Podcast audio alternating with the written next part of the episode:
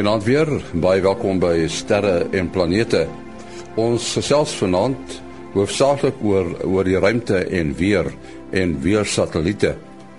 Ons gesels met Nico Kruse van die Suid-Afrikaanse Weerdiens en dan ouer gewoonte ook met Kobus Olkers wat praat oor die son en ek dink daar's baie mense wat graag wil weet of daar uh, enige verwantskap is tussen die son se aktiwiteite en uh, die geweldige hittegolwe wat ons hier in Suid-Afrika en elders op plekke in die wêreld beleef. Nou voor ons begin met uh, al die interessanthede, eers ruimtenis wat geskryf is deur Herman Turin in Bloemfontein.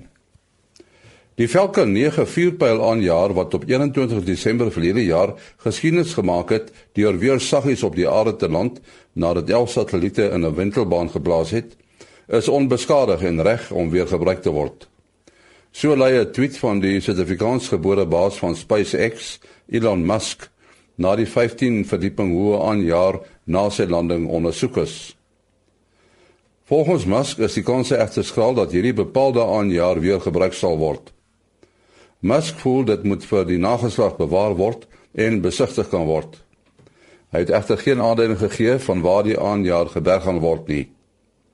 In die toekoms word egter beplan om die herwinde aanjaars te hergebruik. Enorme koste en baie tyd sal so bespaar word. Nadat aanvanklik aanvaar is dat verskeie faktore dit onmoontlik maak vir lewe en selfs planete om in ronde sterrebondels te ontwikkel, meen wetenskaplikes van die Harvard Smithsonian Sentrum vir Astrofisika in 'n nuwe studie, maar daar moet nie oorhaastig geoordeel word nie. Die sterrebondels beweeg op die buitenste rand van galaksies en bevat sterre wat baie oud is, tot so wat 10 miljard jaar oud, wat meer as dubbel so oud is as die aarde se son. In hierdie bondels is sterre baie naby aan mekaar, ongeveer 20 keer nader aan hulle naaste ster as wat die son aan sy naaste ster is. Rotsplanete wat om sterre in die sterrebondels ontwikkel, sal ook baie oud wees en genoeg tydgebied het vir intelligente lewe om te ontwikkel. Weens die nabyheid van sterre kon die vermoë tot tussenruimtelike reise ontwikkel het. Daar is sowat 150 sterrebondels in die Melkweg, terwyl groter galaksies tot 500 kan hê. Die maatskappy wat 'n plasma boor vir die Europese Ruimteagentskap ontwikkel, Zaptec, het 'n batterylaaier vir die stelsel ontwikkel wat as klein mobiele laaier enige plek gebruik kan word om elektriese motors vinnig mee te laai. Konvensionele bore werk nie doeltreffend in gebiede waar min swaartekrag is nie. En daarom word 'n boor ontwikkel wat as ware klein weerliggies afvuur wat die rots van binne verpulp. Dit kan met 'n kragbron van 100 watt vermag word. Die Europese Ruimteagentskap hoop om met die nuwe soort boor tot 10 meter diep te kan boor. Aansienlik dieper as die maksimum van 2 wat met bestaande bore van dieselfde grootte vermag kan word. Tot sover ruimte nis wat geskryf is deur Herman Turin in Bloemfontein. Nou, soos gewoonlik eh, elke tweede Sondag in die maand praat ons met Kobus Olkers ons son weervoorspeller. Nou ek weet die die son voel baie nader aan ons hier in Suid-Afrika op die oomblik uh, Kobus. Baie hoë temperature wat uh, bereik word. Hierdie hoë temperature is eintlik maar 'n funksie van die atmosfeer, né? Nee? Dis nie eintlik die son direk nie, dis die wisselwerking, is dit reg?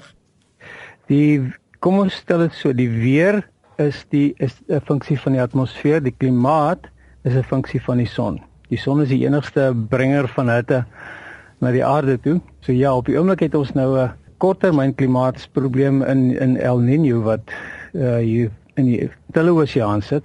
So hy gee vir ons 'n bietjie snaakse 'n uh, balans van van van hitte wat vir al wat die ding maar is dis 'n verskriklike warmpunt uh in in die Stille Oseaan en hy vreeslike klomp wat ek word van hom af afgegee en nou is die hitte effe uit ongebalanseerd in die aarde se klimaat. Sit ons dan nou met uh Suid-Afrika wat in weer wat wat 'n weer uh, probleem het wat wat dit aan betref. Uh die noorde van Amerika sit op die oomblik ook met 'n met 'n oormaat van hitte maar hier by ons in Florida is dit nou weer ekstra koud. Ja, ek dink daar's nou baie mense wat vra hoekom kom die El Nino juis in die Stille Oseaan voor. Eenvoudig gestel, brand die son dan meer daar as ander plekke dat hy daar uh, een of ander iets staat ontstaan. Nee, nee wat. Daarom nie. Uh, ek is ek gaan myself nog glad nie probeer voorhou as as klimaatkundige nie behalwe vir die feit dat ek uh, die globale verhitting eintlik uh, klimaatonstabiliteit voorspel het terug in 1992 al. Uh, toe mense nog my gelag het daarvoor. Uh, dit is beslis onaangenewe. Ehm um, en ek sien dat dat die daar is 'n hele klomp van van my kollegas in die wetenskaplike veld wat wat begin weer begin saamstem daarmee. Ehm um, maar eh, wat die wat die ehm um, El Niño betref, dit is 'n sameloop van kom ons sê chaotiese toestande. Nou chaoties hier is soos die luisteraars teen nou al weet is 'n woord wat ek baie lief vir is wat eintlik deesdae kompleks genoem word. Dis die tipe van goed wat binne 'n wolk gebeur wat op die son gebeur, dis kom ek hom so goed ken. Ehm um, wat in ons ionosfeer gebeur. En dit gebeur in dit dit is dit gebeur in jou koppie koffie. Dit gebeur in daai potjie wat ek altyd van praat wat so so verhit word. Wat of, wat of 'n stabiele ding kan hê of nie. Nou al die goed van die van van van die El Niño is maar net 'n sameloop van 'n klomp vloeistof wat beskikbaar is in die Stille Oseaan. Dit is die grootste oseaan. Hy is ook baie diep maar die die gebeur nou nie daar nie in die kant nie. Maar verder is dit gaan ek myself nie uit nie uitwaag nie. Uh wat ons wel weet is dat dinge soos die son wat wat groot massas van vloeistof het wat loop kry siklisiteit in. Uh net so kry ons ons ons oseane kry dit ook. Uh jy sal uh 'n drywer kry eers wat die die klimaatmense seker nou al vasgestel het wat wat presies is wat El Niño dryf. Ek sal 'n bietjie daarop ingaan en ek kan op 'n volgende keer daaroor gesels. En dan kry jy siklisiteit in hierdie El Niño kom dan gereeld voor en daar is ook in die aarde se weer is daar 'n is daar siklusse net soos wat ons op die son het. Ehm um, en die die klompie is, is verband aan mekaar op 'n op 'n baie kom ons sê ver langse manier omdat hierdie soort van goed die die massa van van water wat moet wat verhit word deur wat ook al uh, is baie groot en jy kry in enige so prosesse jy sien dat jy ding te warm maak en dan dan word hy weer te koel en dan word hy weer te warm en dan weer te koel. Wat ek die die, die kort antwoord is die son het nie direk met ander woorde wat ons verlede week op die son gesien het het nie nou 'n invloed op die weer nie, maar wat wat die son in 1958 gedoen het het 'n invloed op die klimaat van nou. Dit was Kobus Olkers daar in Florida, Amerika. En Kobus gesels elke Sondag met ons oor die son se weer. Ons uh, gesels vanaand met uh, Nico Kruse. Hy is 'n uh, bestuurder by die uh, weerkundige navorsingsafdeling van die Suid-Afrikaanse Weerdiens. Nou die rede waarom ons met hom praat is dat die uh, die weerdiens soos baie ander weerdienste in die wêreld uh, vertrou ook op inligting wat van satelliete ontvang word. Nou Nico, ek sou seker nie verkeerd wees nie as ek sê dat uh, as 'n mens nie satelliete het nie, dan sou 'n mens nie eintlik baie goeie weervoorspellings kon maak nie. Ja, en jy's uh, heeltemal reg. Die weerdienste maak geweldig baie gebruik van uh satelliete en dan in die geval weer satelliete om rede dit ons uh, oë ek wil nou nie sê ons ore is nie, maar dit in baie gevalle ons oë is op uh, groot areas van die wêreld en waar ons dan kan sien of frontale stelsels ehm uh, die land nader en ook hoe uh stelsels soos donderstorms ontwikkel. So sonder satelliete sou ons uh werklik baie armer gewees het en die voorspelling sou nie so akkuraat gewees het nie.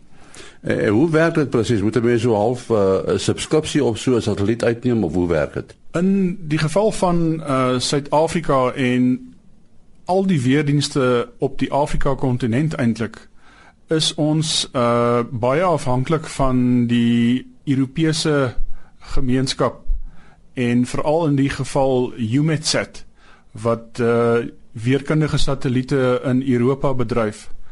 Nou toevallig uh, is die satelliet uh, gestasioneer reg bo kan die ewenaar en die 0 grade lentelyn of wat ons algemeen bekend is met Greenwich meridiaan.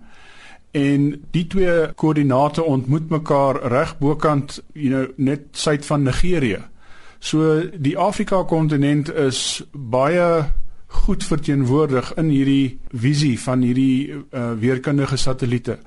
So Afrika baat eintlik baie meer as wat Europa baat uh by hierdie satelliete. En en daarom is daar 'n goeie ooreenkoms tussen Afrika uh en Europa in plek om hierdie dienste aan aan lande in Afrika te verskaf. En ek neem nou aan hierdie hierdie satelliete is geostasionêr. Dis heeltemal reg. Hierdie satelliete is in die geostasionêre uh wentelbaan. Nou hierdie wentelbaan is 36000 km bokant die oppervlakte van die aarde. En die rede hoekom dit uh, daar is is dat hierdie satelliete beweeg dan en wentel saam met die aarde, maar hulle is gefokus op een punt op die aarde se oppervlak sodat weerverskynsels wat baie skielik ontwikkel dan waargeneem kan word. Anderste as uh die ander tipe satelliete wat 'n mens kry is natuurlik jou uh polêr of poolwentelende satelliete. Uh wat elke 16 ure omstreeks ehm um, dieselfde kol op die aarde ehm um, weer besoek sodat 'n foto geneem kan word of 'n uh, image soos wat ons in in Engels sê geneem kan word.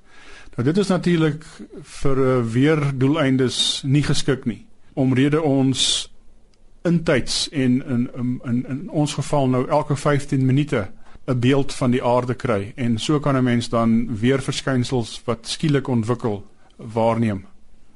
Uh die beeld wat jy kry, is dit 'n fotobeeld of is dit 'n grafiese beeld? Dis dis 'n foto, dis 'n 'n 'n image soos wat ons sê, maar 'n foto word opgemaak uh uit digitale inligting. En uit daai digitale inligting kan ons dan baie verwerkings doen om sekere kanale met mekaar te vergelyk. Die huidige weersatelliet wat ons gebruik is die Meteosat uh, tweede generasie of Meteosat second generation soos wat hulle praat. En dit het 12 kanale wat uh hy waarnemings doen van van die aarde. En ons kan daai karakteristiek van die satelliet waar van 12 kanale gebruik om uh 'n verskeidenheid van verskynsels uh waar te neem uh op die aarde se oppervlak. So is dit nou net die een satelliet wat ons na wat wat, wat ons gebruik om ons te help in die weervoorspelling of is daar ander satelliete ook? Op hierdie stadium is die Meteosat tweede generasie die enigste uh spesifieke weersatelliet wat ons gebruik by die Suid-Afrikaanse weerdiens. Maar ons is in die proses om uh, ook te kyk uh veral in die nabye toekoms en verder in die toekoms om ook polêre uh wentelende satelliete te gebruik. Ek het nou net vir jou verduidelik dat die die die tydresolusie wat die polêre satelliete uh die aarde of dieselfde punt op die aarde besoek is omtrent 16 ure uitmekaar uit. Nou dit is een van die nadele. Die groot moonthede wat satelliete bestuur soos die Amerikas en die Europas, die Japaneese ehm um, hulle is besig om 'n hele reeks satelliete uh, op 'n polêre wentelbaan te sit sodat uh hierdie verskynsel dat jy elke 16 uur 'n uh, 'n uh, beeld kry uh heelwat verkort gaan raak en dan gaan dit uh van groot waarde vir die weer vir weerdienste ook wees om om van polêre satelliete te gebruik te maak. Nou iets uh, ek dink wat baie mense vra, deesdae almal het selfone met weer uh, toepassings wat hulle aflaai. En dit gebeur nou dikwels dat uh, die voorspelling is uh, is in breë trekke dalk dieselfde maar uh, daar's tog fyn verskille. Hoe gebeur dit? En nie, ja die weerdienste maak natuurlik gebruik van uh, numeriese voorspellingsmodelle om in die toekoms in te voorspel jy weet as as 'n mens nou net menslike natuur gebruik kan kan 'n mens dalk 12 ure of as jy baie gelukkig is 24 uur vooruit voorspel net gebaseer op uh jou menslike waarnemingsvermoëns. Maar ons gebruik gebruik van numeriese weervoorspellingsmodelle wat vir jou tot 7 tot 10 dae vooruit uh 'n redelik akkurate vooruitskouing kan gee van wat die weer gaan doen. Die toepassings wat jy op jou selfoon aflaai soos die wil nou nie die name noem nie, maar maak gebruik van globale modelle wat 'n redelike grouwe resolusie het. Die punt waar jy dan 'n weervoorspelling voorvra is dan 'n geïnterpoleerde voorspelling van jou area. En daarom mag die interpolasie tegnieke wat party uh, van die die diensverskaffers gebruik verskil van mekaar en daarom kan jou voorspelling ook 'n bietjie verskil. Net 'n ander punt wat ek nog wil maak is dat satellietdata word natuurlik geweldig baie gebruik om die data te assimileer binne in hierdie numeriese voorspellingsmodelle wat ons gebruik om om voorspellings te maak. Ja, dit klink nou, jy weet, weer voorspelling bly 'n voorspelling, nee, dit is nie 'n feit wat, wat jy stel dat dit so gaan gebeur nie, nee. Ja, weet om te sê dis 'n voorspelling beteken in inherent daar's daar's 'n mate van onsekerheid ook ingebou in hierdie bewoording. So 'n voorspelling is is nooit 'n 'n presiese wetenskap nie, maar deur hierdie nuwe tegnologie en nuwe tegnieke toe te pas, probeer ons om daai onsekerheid so klein as moontlik te maak.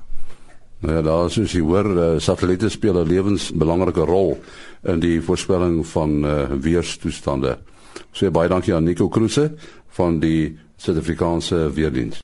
Ja, hier sit jy aan die einde van die program met ons vir uh, professor Mati Hofman gevra om so 'n bietjie in sy kristalbal te loer wat die groot gebeurtenisse betref uh, vir 2016, Mati. Kom ons begin by 1 September 'n gedeeltelike sonsverduistering wat ons oor Suid-Afrika kan sien so in die omgewing van 40% verduistering. Hoe verder suid jy is, hoe minder verduister sal die son wees en hoe meer noord jy sal wees, hoe meer. As jy nou tot daar in Midde-Afrika kon nader aan die ewenaar kon uh, beweeg, sou jy 'n totale annulêre sonsverduistering kon, uh, kon beleef. So is nie eintlik 'n totale verduistering nie, dis net die ring van die son wat sal uitsteek en dit is uh, wanneer die maan uh op sy verder afstande vanaf die aarde is en dis nie die son heeltemal kan toemaak. So dit is 1 September. Kom ons begin by iets wat ons nou sommer redelik vroeg elke maand sal kan sien in die vroeë uh oggendure voor sonop. Uh is die tyd wat die sekelmaan by die helder planete, helderste planete by beweeg. Gewoonlik is Venus deel van die groepie. Uh so dis so rondom 6 Februarie, 7 Maart, 6 April. Mens kan maar net onthou so aan die einde van die eerste week van elke maand vir die tot so middel van die jaar, uh die sekelmaan naby uh of Venus of Mercurius of een van die ander helder planete en dit is natuurlik omdat die maan en die planete is is altyd uh, naby die ekliptika in die in die sterrehemel. Dan kan ons bietjie gaan kyk na iets anders wat die mense gewoonlik belangstel, maar mense laat mens nie graag uit vir te veel vir uh voorspellings nie want dit kan maar wispelturig wees. Dit is die meteore reëns. As mens van 'n meteore reën praat, moet mens nog nie 'n meteoor storm verwag nie. Laasgenoemde is baie baie skaars. Uh, maar in elk geval die eerste noemenswaardige meteore reën wat ons kan verwag is uh, rondom 6 Mei. Dis nie net 'n spesifieke datum nie, maar dis nou maar die datum wat uh voorspel is vir die maksimum 6 Mei. So dis nou herfs van die wolke vir die binneland baie minder raak. Dit nog nie so koud is om te gaan kyk nie. Mens moet maar altyd laat nag gaan kyk hier so na middernag en die vroeë oggendure en dit is dan die Eta Aquarius in die uh, 6de Mei en dan dus die Delta Aquarius weer einde Julie begin Augustus. Uh en ek sien 'n interessante een ook hierso 'n toename van vierballe. Vierballe is 'n bietjie hoër uh wat helderder as of vergelykbaar met Venus raak. Daar's 'n toename in die aantal vierballe wat mens kan sien, maar daarvoor moet jy nou baie ure buite wees. Uh hierso rondom die eweningspunt in Maart. Uh so rondom 21 22 Maart. Uh so vierbal is altyd baie skouspelagtig om te kan sien. Nou ja, daar's 'n uh, paar interessante brokkies inligting oor wat 'n mens die res van die jaar kan verwag. Baie dankie uh professor Mati Hofman.